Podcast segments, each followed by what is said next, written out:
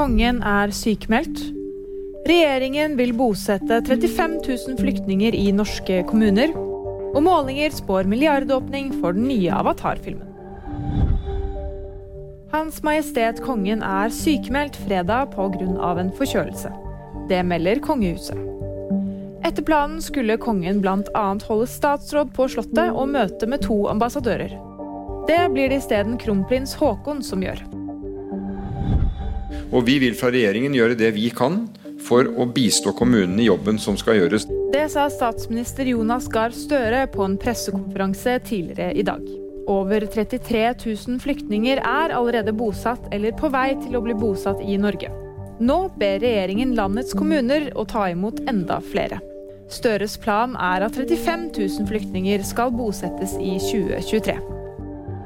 Breathe. Breathe.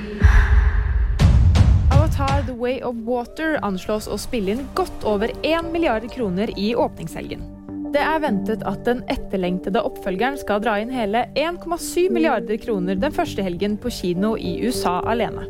Magasinet Fortune skriver at filmen skal ha kostet nesten 2,5 milliarder kroner å lage. Og VG-nyheter fikk da meg, Fride Rivø Lie.